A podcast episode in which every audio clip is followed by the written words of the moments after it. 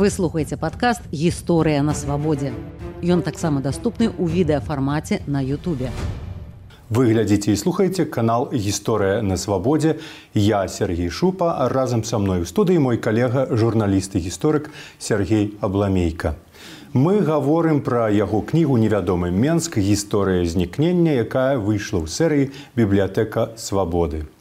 Кніга прысвечана гісторыі разбурэння аднаго з цэнтральных раёнаў Менску, які называўся стары горад, і ад якога сёння фактычна нічога не засталося. Ён размяшчаўся ў пойме свіслачы там, дзе у яе двума рукавамі ўпадала няміга. Цяпер на тым месцы плошча 8 сакавіка і пачатак праспекту пераможцаў.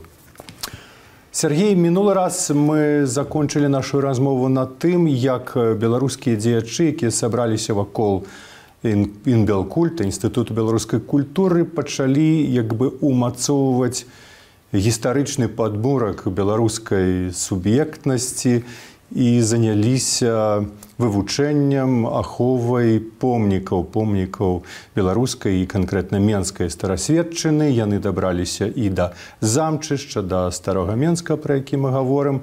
Але на той момант мы говорим пра 25 год там адбыліся некаторыя падзеі напрыклад разбурэння унікальных храмаў 12 стагоддзя ў полацку. Это не зусім менск это полацк бельчыцкія храмы. І гэтыя наши энтузіасты аховы помнікаў старасведчаны былі гэтым моцна як бы узрушаныя абураныя і спрабавалі працягнуць вінаватых да адказнасці. І гэта правяло да адкрытага канфлікту з бальшавіцкімі уладамі ўрэшце гэтых наших энтузіастаў просто пазбавілі фінансавання іхнай працы і дзейнасці. Ці яны у тады склалі сваю зброю і адмовіліся ад спробаў нешта зрабіць.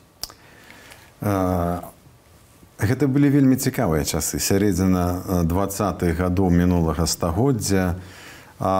Упэўная аналогія таго, што тады адбывалася была з Беларусю 2000-2010 гадоў, скажем, бо нацыянальныя дзеячы былі, іх трошку ціснулі, але яшчэ так сказаць не садзілі ў турму. Тады таксама 25 год у гэтым сэнсе вот быў такі цікавы. Яны яшчэ спрабавалі змагацца. Ім нешта не давалі, яны патрабавалі, не давалі адно зрабіць, яны спрабавалі абысці, рабіць іншае.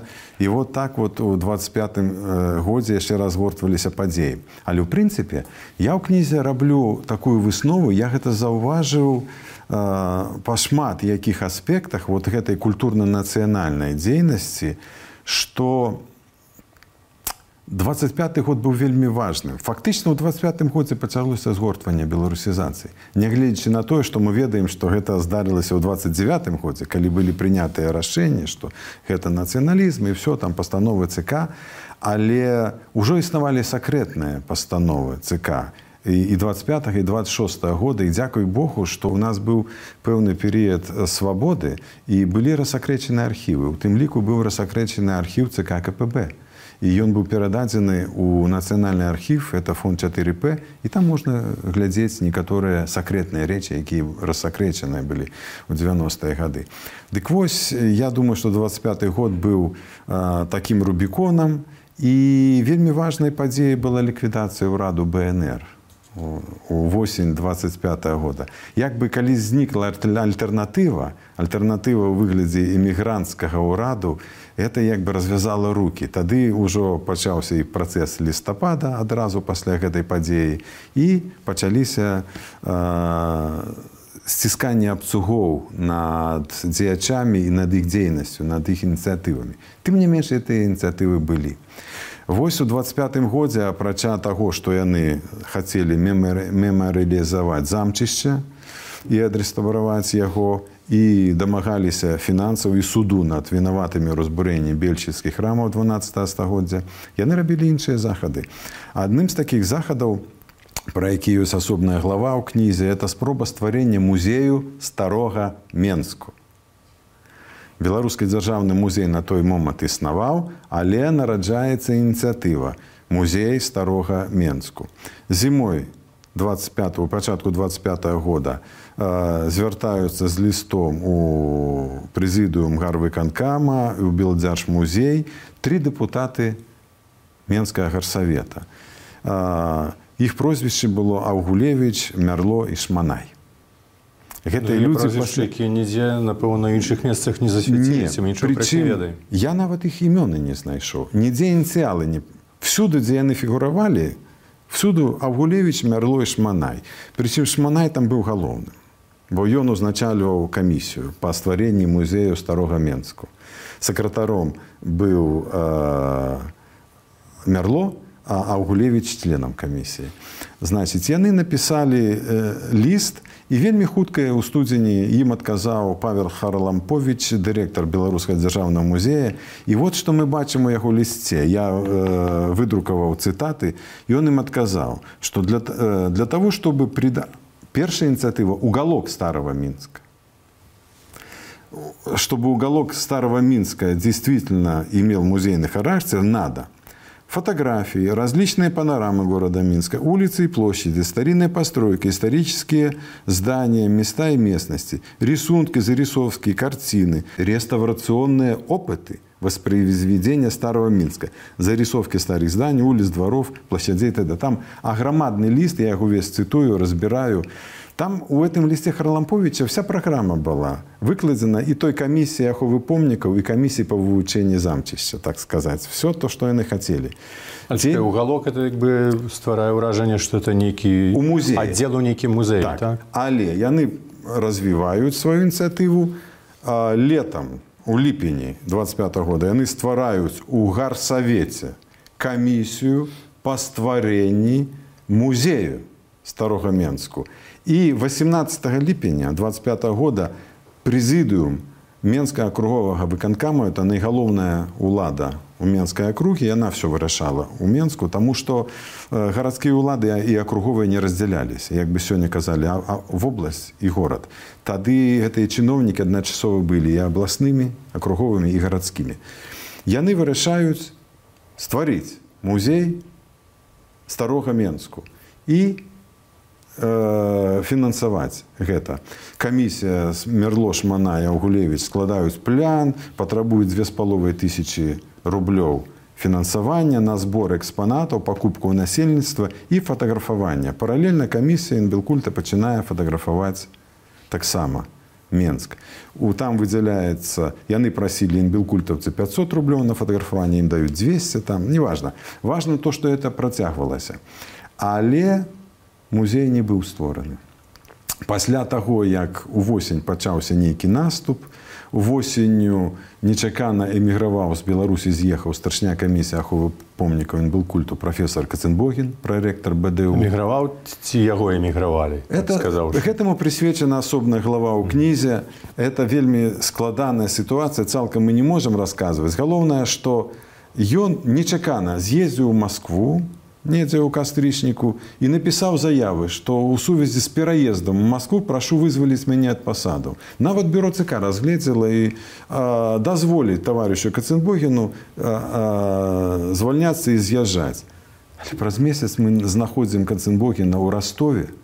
Без грошай ён просіць, піша слёзныя лісты рэктару печету, что памажыце там жонка дайце ёй выходную дапамогу каб яна могла пераехаць я тут без кватэры без нічога там бадзяга бом штуля яшчэ 25 год яшчэ далёка да нейкіх рэпрэсій і Так, але это, это, это звязана мы бачым старшыня камісія аховы помнікаў Нбелкульту. Это людзі, якія найперш займаліся менскамі аховай помнікаў, што было недаспадобы гэтым.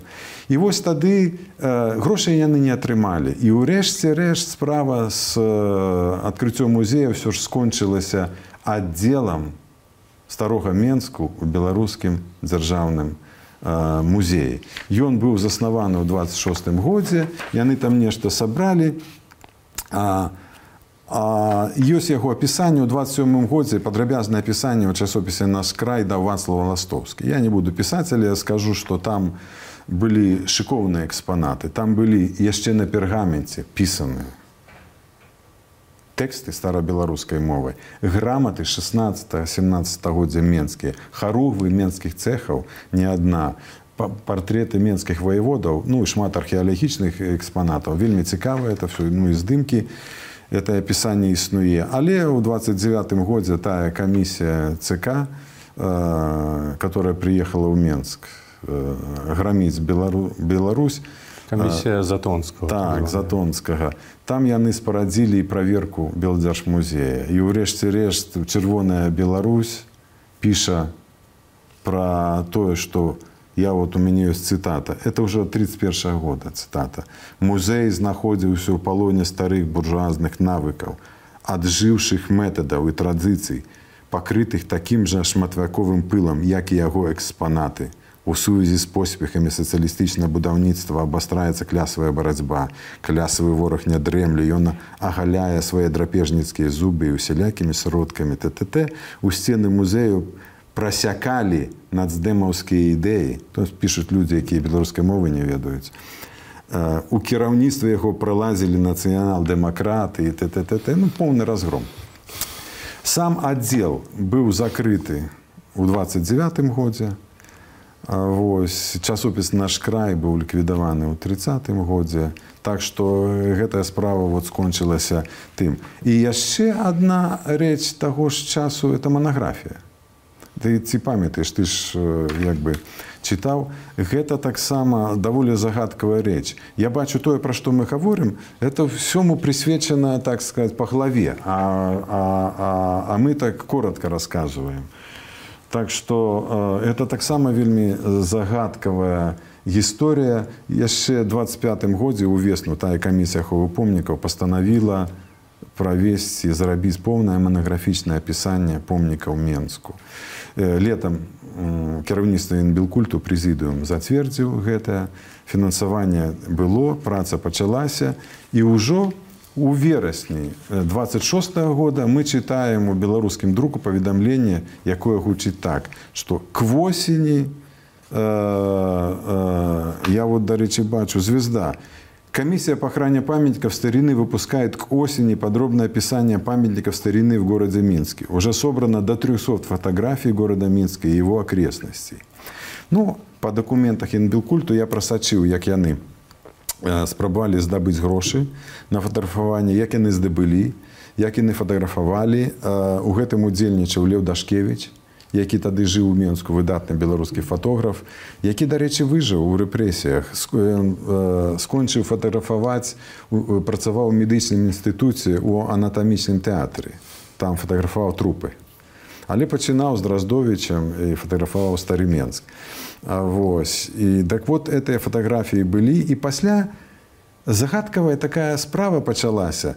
Розныя органы друку паведамляюць што Інбілкульт падрыхтаваў поўнае манаграфічнае пісанне Менску.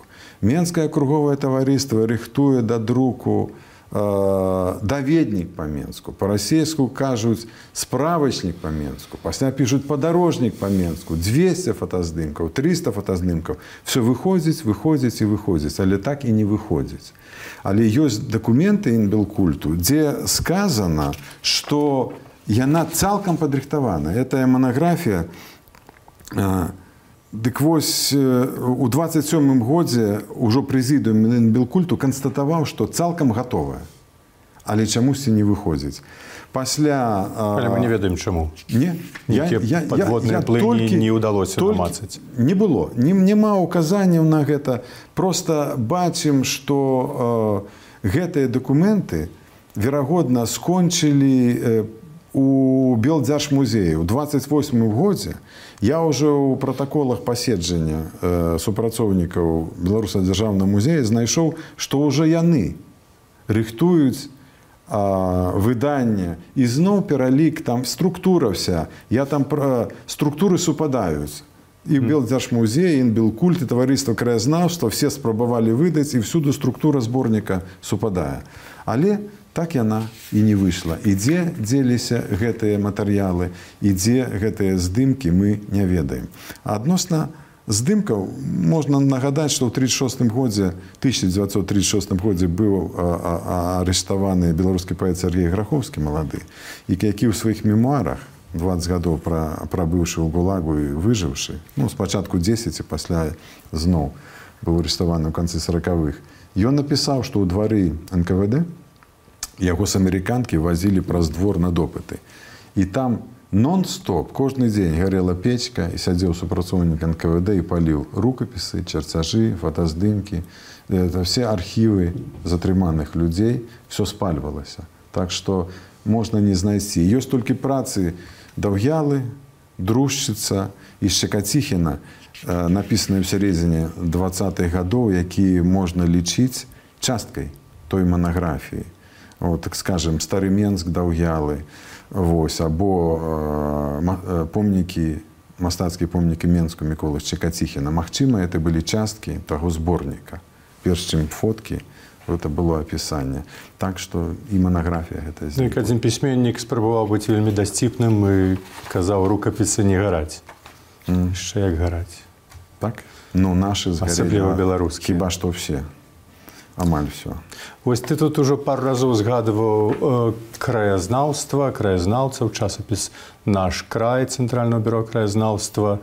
Это по-мойму для нашай тэмы вельмі важная важны рух важная з'ява які ахопліваў не толькі Беларусь дарэчы ён і ў навакольных у краінах які ўтварыліся на руінах расійскай імперыі таксама існаваў там дзе доўгія стагоддзі як бы людзі нічого пра сваю гісторыю не ведалі раптам гэты інтарэс вельмі актыўна ўзнік і ў беларусі ты рух таксама вельмі актыўна развіваўся ну мы нагадаем што узнікне ўжо інстытуцыйна нейкія арганізацыі яшчэ падчас польскай акупацыі мінскае таварыства гісторыі старажытнасці пасля там часовае бюро краязнаўства наколькі гэты рух э, краязнаўчы спрыяў ці ішоў паралельна падтрымліваў э, вось гэтыя намаганні энтузіастаў захавання беларускай і канкрэтна менскай старасведчыны? Ну конечно гэта была можа быць і асноўная вся частка гэтай актыўнасці два гадоў краязнаўства. У кнізе глава пра краязнаўства самая вялікая з усіх главаў яна прыблізна 30 старона кнігі займае і мае характар такого асобнага асобнае навуковага даследавання. Можна было папублікаваць асобны артыкул пра гэта пра працу краязнаўцаў. Але паколькі іх стваралі тыя ж людзі што і інбілкуль стваралі і камісію аховы помнікаў інбілкульту і таварыства краязнаўства значыць яны працавалі ў шчыльнай сувязі это была фактычна адна арганізацыя бо э, у 24 годзе часова бюро краязнаўства было ператворана ў цэнтральнае бюро краязнаўства цб краязнаўства тады казалі і яно працавала пры інбілкульце это фактычна была структура інбілкульта і сядзелі все ў адным будынку на рэвалюцыйнай вуліцы сённяшняй у тым дзе мы з табой калісьці працавалі у прафесара мальдзеса а, А, дык вось адразу як камісія ўзнікла ўжо ў 25 годзе прынамсі менск краязнаўцаў менскай акругі арыентавалі на вывучэнне старога менску. Это была фактычна гурткі існавалі ва ўсіх навучальных установах менску, у белпетэхнікуме, у БДУ. студэнты выходзілі на даследаванне, на абгляды, збіралі экспанаты это было вельмі і вельмі распаўсюджана. Там сваю ролю адыграў чакаціхін ён вельмі актыўна ствараў экскурсіі не экскурсіі а інструкцыі для працы краязнаўцаў. Яны самі па сабе цікавыя ў кнізе апублікаваныя як трэба было фатаграфаваць як замалёўваць якія часткі помнікаў архітэктуры. Все было у на помнікі архітэктуры, на менскія помнікі архітэктуры заточана. І э, што цікава, што тады ж зімой ўжо 25-26 года, калі вот пасля раз, роспуску ўрада БНР у кастрычніку 25 -го года пачаўся такі паступовы наступ. Ужо ў снежні 25 -го года НКВД зацвярджае статут краязнаўчае таварыства беларусій і там няма ні слова пра ахову помнікаў ужо але гэта як бы яшчэ пры статут складаў пісаў яны ім выкрэслілі А, вось. Статут, варыянт, зацверджаны варыянт статута ўжо не мае. А, але было ў праекце. 7-10 лютага 26 года адбываецца першы краязнаўчы з'езд Беларусі у будынку інбелкульта. Ён яшчэ ваўсю разглядае ахову помнікаў, там куча інструкцый все. Але за тры дні да яго пачатку адбываецца сакрэтнае паседжанне бюро ЦК КПБ, якое разглядае дзейнасць інбелкульту. Это сакрэтная пастанова і тады пра яе не было вядома, але ў той пастанове дзеячы інбелкульту называюцца нацыяналістамі і шавіністамі. І там згадваецца, што э, трэба э, інбелкульту змацніць камуністамі, а дзейнасці краязнаўцаў надаць практычны характар. І гэта все вот такія фразы абцякальныя але тое што з гэтага пачалося ўжо ў 26 годзе гэта неверагодна под восень 26 -го года цэнтральнае бюро краязнаўства прымае прымае плян на наступны год і мы читаем там фантастычныя рэчы мы читаем там развагі пра вывучэнне сельскай гаспадаркі як селянін размяркоўвае свой час па вывучэнне э, вытворчых сіл Беларусі, пра абследаванне фабрык. Но это дзівоцтвы. То мы чытаем інструкцыі для краязнаўца, які яшчэ каціхі напісаў. Яны ўвесь 25 год па ўсёй Беларусі апісваюць э, помнікі, распрацоўваюць экскурсіі. Дарэчы, тэксты экскурсій фантастычная. Я ў кнізе прывожу магілёўскія экскурсіі і менскія. Менскія экскурсіі, конечно, па старым горадзе, па замчышчы ўсё, але якія шыкоўныя экскурсіі былі па магілёве. Апісваюць, што вот сінагога, яе распісваў мастак. Сэгаль, далёкі сваяк сёння вядомага мастака шагала. Яны такія рэчы ведалі, пра якія мы сёння не ведаем. Яны пазабы... мы ўжо забылі пра это ўсё. А там такія рэчы былі. І карацей кажучы, лёс краязнаўцаў трагічны. У Беларусі было больш за 300 пачатковых арганізацый краязнаўчых. Ва ўсім ССР іх было 1100. А это ж колькі рэспублік. Беларусь складае маленькую частку ўсяго ССР. У Беларусі было 10 тысяч краязнаўцаў, членаў краязнаўчага таварыства пад канец 20-х гадоў, а ў ССР іх было ўсяго 50 тысяч мы бачым што Беларусь выступила неверагодна беларусы найбольш былі заходнім народам найбольш цікавіліся тады сваёй культуры але это ўжо ў 25 годзе пачалося пачалі згортваць Вось. Але это вельмі цікавая старонка я недзе тут падрыхтаваў цытату а, а, я падрыхтаваў цытату а, якая чым скончылася дзейнасць краязнаўцаў. Гэта 20 28 год і нейкі чалавек Васіль самцевич который выжыў ва ўсім гэтым это быў аршанскі настаўнік ён пасля вайны ён граміў краязнаўцаў Ён рабіў публікацыі такія. Ён выжыў, пражыў амаль больш за 80 гадоў 85 гадоў быў заслужаным настаўнікам БССР, меў тытулу, быў вельмі прызнаны чалавек. Это што і да нас мае дачыненне самае непасрэднае. Мы з табой у школе вучыліся па ягоных падручніках. Так беларускай мовы. Да, дык вось Васіль Санцевич тлумачыць патрэбу змену кірунку краязнаўчых даследаванняў вывучэнне і вырашэнне праблем сельскай гаспадаркі, умоў развіцця нашай прамысловасці, укладу эканамічных і бытавых узаемаадносін маюць для нас у сучасны момант не толькі адмыслова тэарэтычнае значэнне, але і практычную неабходнасць это краязнаўцы. Для развіцця сельскай гаспадаркі нам неабходна добра ведаць усе прыродныя і сацыяльна-эканамічныя ўмовы данай мясцовасці. Таму краязнаўцы павінны займацца тарфянікам якія там у яго расліны растуць якія? Вось. І ўрэшце рэшт мы чытаем у часопісе краязнаўства э, э, наш край. Выхады краязнаўцаў з абследаваннем фабрык краязнаўцы выходзяць на менскую фабрыку вывучаюць чым займаюцца якія ў ёсць станкі якія вытворчыя сілы пасля ідуць у вёску якія вытворчыя сілы гэтым чым яны займаюцца колькі малака даюць надояў вось чым займаліся краязнаўцы перад тым якіх зусім разграмілі в тридцатым годзе і закрылі Ну тут мабыць пару слоў можна сказаць пра тыя двадцатыя гады да, да якіх мы часам так рамантычна звяртаемся як да перыяда такой адноснай культурнай лібералізацыі беларусізацыі. Этот тэрмін нас просто як бы зачароввае насамрэч там напэўна не ўсё было так прыгожа. І саму ту беларусізацыю фактычна ініцыявалі бальшавіцкія ўлады. Так і з такімі параметрамі якая які так што яна не прадугледжвала ні ўмацавання беларускай дзяржаўнасці ці нейкай хаця б там сабе сацыялістычнай але самастойнасці незалежнасці суверэнітэту а яна служыла толькі мэтам бы індактрынацыі бальшавіцкай ідэалогіі у народныя масы. Ім здавалася што на мове этого народу на беларускай мове гэты працэс пойдзе на лягчэй. Ты працэс увесь час трымаўся под контролем калі яны адчувалі што сапраўды ён вядзе да нейкай вось да росту нейкай нацыянальнай свядомасці.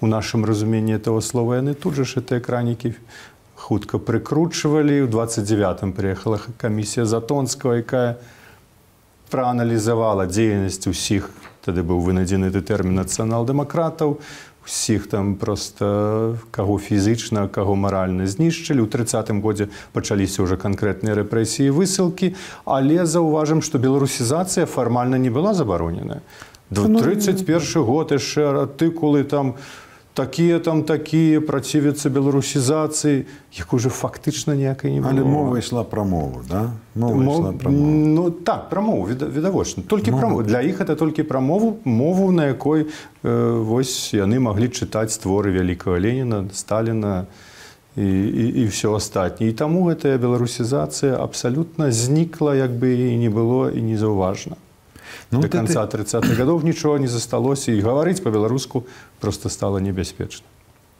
гэтыя людзі я кажу яны пачыналі як бы все роўна змагаліся яны не думалі што іх пачнуць рэзаць спачатку да? Іды вот у двадцатые гады яны просто уяўлялі сабе што мы ж Беларусь будуем так мы будзем так вот будаваць з розных бакоў. Высокае мастацтва і тое тое аказалася што не дарэчы я забыў сказаць э, э, пару прыкладаў іх ідэалагічнай канкурэнцыі ўжо тады калі музей яны хацелі ў 25 годзе стварыць то бальшавікі задумалі свой музей і пакуль і музей старога менску не быў адкрыты а ў траўні другога траўня 26 -го года менску быў адкрыты музей рэвалюцыі на вуліцы Урыцкага нумар 2.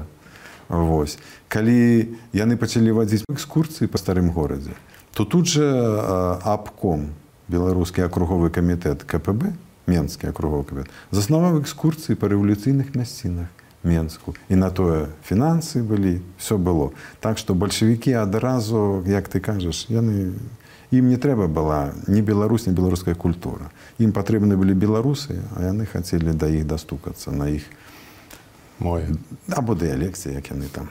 Ну, нарэчы і так скончылася гэта такая кароткая нацыянальная адліга ці як я назваць і бСр пачала прымаць тую форму да якой яна дайшла фактычна ўжо да нашых часоў якія мы яшчэ з табой добра памятаем. Дзякую Сергей на сённяшняй гутарцы. Я нагадаю нашим гледачам і слухачам што З маім калегам журналістам гісторыкам Сергеем абламейкам мы на youtube канале гісторыя на свабодзе гаварылі пра змаганне энтузіястаў за стары менск і супраціў гэтаму з боку бальшавіцкіх уладаў. А ў наступнай частцы нашай відэасерыі мы паговорым пра стварэнне пляну рэстаўрацыі замчышча ў менску і пра адказ на яго з боку камуністычных уладаў БСР. Подписывайтесь на наш канал «Гісторыя на свабодзе», а ў каментарах под гэтым відэо дзяліцеся вашымі ўражаннямі, заўвагамі і прапановамі. Выслухали падкаст «Гісторыя на свабодзе». Подписывайтеся, глядзіце і слухайце ў Ютубе і на ўсіх падкаст-платформах кожны тыдзень.